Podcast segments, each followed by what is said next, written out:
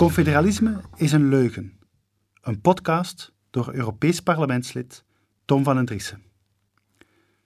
België is de optelsom van twee democratieën. Dat werkt niet. Confederalisme is de uitweg, volgens Bart de Wever. Daardoor zou België automatisch verdampen tussen Vlaanderen en de Europese Unie.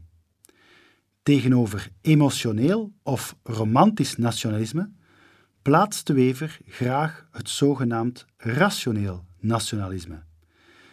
Men streeft geen Vlaamse zelfstandigheid na omdat men het er warm van krijgt, maar omdat dat voor beter bestuur zorgt. Beter besturen doet men bijgevolg ook niet vanuit de oppositie, maar vanuit de meerderheid. Niet door te roepen langs de zijlijn, maar door compromis te sluiten. Evolutie, geen revolutie. In 2024 is de Wever maar liefst 20 jaar partijvoorzitter. De grootste van zijn generatie. Briljant strateeg. Van meer bevoegdheden voor Vlaanderen merken we ondertussen helemaal niets. Van goed bestuur of verdamping van België evenmin. De Europese Unie is ondertussen wel een België in het groot aan het worden. En België werkt nog steeds niet. Ooit mochten we Vlaanderen vooral niet laten verstrikken door die roepo. Maar na de Wever heeft nu ook Theo Franken de bocht ingezet. Pro-PS. Ooit reden ze met NVA met vrachtwagens vol nepgeld naar de scheepslift van Stripie om de miljardentransfers naar Wallonië aan te klagen. Maar nu willen ze absoluut een regering met diezelfde speelzuchtige PS vormen. Die kracht van verandering, het is me toch wel wat. Volgens de Wever leren we uit Catalonië dat er ook geen alternatief is voor zijn strategie. Klopt er eigenlijk wel iets van wat hij ons al die jaren probeert wijs te maken? België werd gesticht als een eentalig, Franstalig unitaire staat. De meerderheid bestond evenwel uit Vlamingen, ook in Brussel. Door het algemeen stemrecht werd die demografische meerderheid ook een politieke macht na Wereldoorlog I. Bovendien werd Vlaanderen na Wereldoorlog II economisch veruit het sterkste landsdeel. Straks zou Vlaanderen wel eens België kunnen overnemen. Om dat te vermijden, organiseerde men het federalisme. Dat had twee belangrijke strategische objectieven. Ten eerste, de Vlaamse democratische meerderheid in België breken door allerhande pariteiten, grendelwetten en bijzondere meerderheden. Ten tweede, de financiële transfers naar Wallonië in stand houden. Decennia staatshervormingen verliepen steeds volgens dezelfde dynamiek. De Vlamingen wilden bevoegdheden, de Franstaligen zorgden ervoor dat daar altijd een buitensporige politieke en financiële prijs voor moest betaald worden. De transfers naar Wallonië bedragen ondertussen minstens 7 miljard euro per jaar. Wie de rente via de staatsschuld daarbij rekent, komt dan snel aan 12 miljard of meer. In 1999 stemde het Vlaams parlement vijf resoluties, wat een blauwdruk was voor een nieuwe staatshervorming. Daarin werd de splitsing van de fiscaliteit en de sociale zekerheid voorgesteld. Responsabilisering. Wie betaalt, bepaalt. Daar kwam natuurlijk helemaal niets van in huis, want dit is tegengesteld aan de Waalse belangen. Elke Vlaamse vraag kreeg systematisch non als antwoord. Demandeur de rien. België brak meermaals het wereldrecord regeringsvormen de voorbije 15 jaar. Wallonië voerde een uitputtingsstrategie die ze ook eindeloos kunnen volhouden. Want zonder hun akkoord verandert er niets. Door het federalisme en ondertussen moeten de Vlamingen blijven betalen. Die strategie werkte wonderwel. De Vlamingen, met hun praktisch denkende Germaanse geest, werden er helemaal moedeloos van. Staatshervorming, het woord alleen al, wordt beantwoord met een diepe zucht.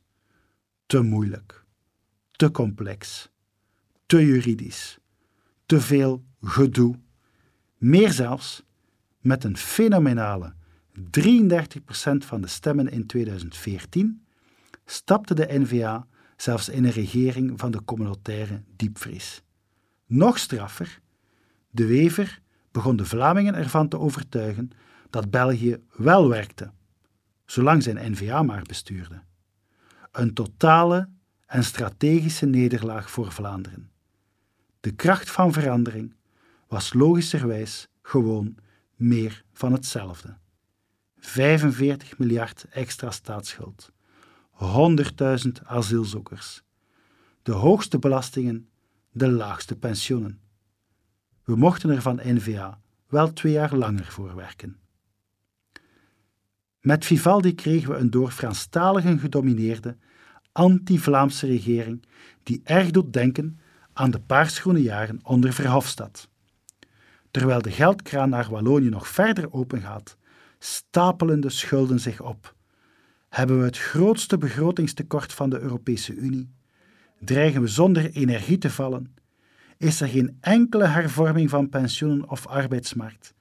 En ontvangen we zelfs nog meer asielzoekers dan tijdens het hoogtepunt van de asielcrisis in 2016. De Wever schermt met een groot confederaal akkoord met de PS, dat hij zou willen realiseren in 2024, maar dat er nu niet kwam door de dolkstoot van Lachaert. Iedereen mag geloven wat hij wil, maar laten we vooral naar de feiten kijken. Men heeft twee derde van de kamerzetels nodig voor die confederale hervorming, in beide talgroepen. N-VA heeft samen met de PS 45 zetels. Wie in hemelsnaam gaat de andere leveren voor die confederale omslag? De Belgicisten van MR, Open VLD, Ecolo of PvdA? De Franstaligen hebben toch geld nodig, kan men opwerpen. Dat klopt. Maar niet genoeg opdat ze de kip met de gouden eieren zouden slachten, zijnde de transfers van Vlaanderen naar Wallonië en het mechanisme erachter. Een splitsing van de sociale zekerheid en de fiscaliteit zou dit immers bekomen. Confederalisme is dus een pure leugen. België werkt niet en dreigt ons naar de afgrond te sleuren. Het hele systeem loopt vast. Binnen België valt daar niets aan te veranderen. Dat bewijst NVA met al haar mislukte onderhandelingen sinds 2007. Meer zelfs, al sinds 1988 heeft die partij, nog haar voorganger Volksunie, ook maar enig deel gehad in gelijk welke staatshervorming, laat staan een confederale. Met andere woorden, NVA staat al meer dan 30 jaar aan de zogenaamde zijlijn, zonder enig resultaat. Precies hetgeen ze Vlaams Belang verwijten. De traditionele partijen imploderen ondertussen in Vlaanderen. Socialisten, liberalen en christendemocraten halen amper nog 10%. Zij verliezen niet aan links, dat al sinds 1919 gezamenlijk niet meer dan maximaal 30% haalt. Waar gaan die stemmen wel naartoe? Naar Vlaamse en rechtse partijen als Vlaams Belang en N-VA, die ondertussen bijna de helft van de stemmen halen. Door het consensuitair kan het Belgisch systeem deze electorale verschuiving negeren. Het opheffen van het cordon laat de volle kracht van onze Vlaamse democratie los. En dat overleeft België niet. Dat is dus precies wat we moeten doen. Daarom dreigen ze Vlaamse partijen af. Wie het cordon breekt, vliegt zelf in het cordon. De Franstaligen proberen op die manier te bepalen wat er in onze democratie gebeurt. Enkel doordat Vlaamse partijen daar als gewillige slachtoffers aan gehoorzamen, bepalen ze de spelregels in Vlaanderen, waardoor ze het spel in België winnen en er nooit iets verandert. Daarmee moeten we dus stoppen. De Vlamingen moeten ophouden zich als een minderheid te gedragen, maar vanuit onze natuurlijke positie van demografische, politieke, economische en financiële dominantie onze politieke keuzes doorduwen. Het instrument daarvoor is niets anders dan onze eigen democratie. Wij hoeven helemaal niet meer federaal te onderhandelen om te willen besturen. Laat België zichzelf maar vastlopen. Wij moeten confederaal onderhandelen vanuit de Vlaamse regering met de Waalse regering over de modaliteiten van de ordentelijke opdeling van België. De Waalse regering zal verplicht worden daarin mee te gaan, omwille van haar precaire financiële situatie, met 200% staatsschuld. De Belgische regering is er al niet veel beter aan toe en zal een bron van instabiliteit worden voor de euro, de internationale instellingen en het buitenland in het algemeen. Het buitenland heeft belang bij stabiliteit. Vlaanderen en niet België zal die geven. Prioriteit bij de ordentelijke opdeling zijn de splitsing van de sociale zekerheid, de fiscaliteit, politie en justitie en migratie. Ondertussen moeten we vooral een beter en assertief bestuur aan de Vlamingen teruggeven, volledig binnen de legaliteit en de huidige bevoegdheden. Hoofddoekenverbod in het onderwijs. Ontmanteling van de linkse socioculturele subsidieslurpers. Woke-activisme weg uit het onderwijs. Een gelijke kans voor elke Vlaming. En dus afschaffing van elk beleid van zogenaamd positieve discriminatie. Verankering van onze Vlaamse economie. Uitbouw van een aanvullende Vlaamse sociale zekerheid. Afbouw van de wachtlijsten in de zorg. De Vlaming zal daarmee een voorproefje krijgen van wat hij al zo lang wil, en daar dus vooral meer van willen. Dat zorgt bovendien voor strategische ruimte en flexibiliteit voor de Vlaamse positie binnen België. We laten onze les niet meer spellen en beslissen zelf in onze eigen democratie. We weigeren nog het spel van de Franstaligen te spelen, waarin we gedoemd zijn te verliezen. Dat kan maar als er een Vlaams-nationale meerderheid is. De N-VA-partijtop kan daar maar toe gebracht worden als Vlaams Belang de grootste partij wordt en zo het initiatief kan nemen.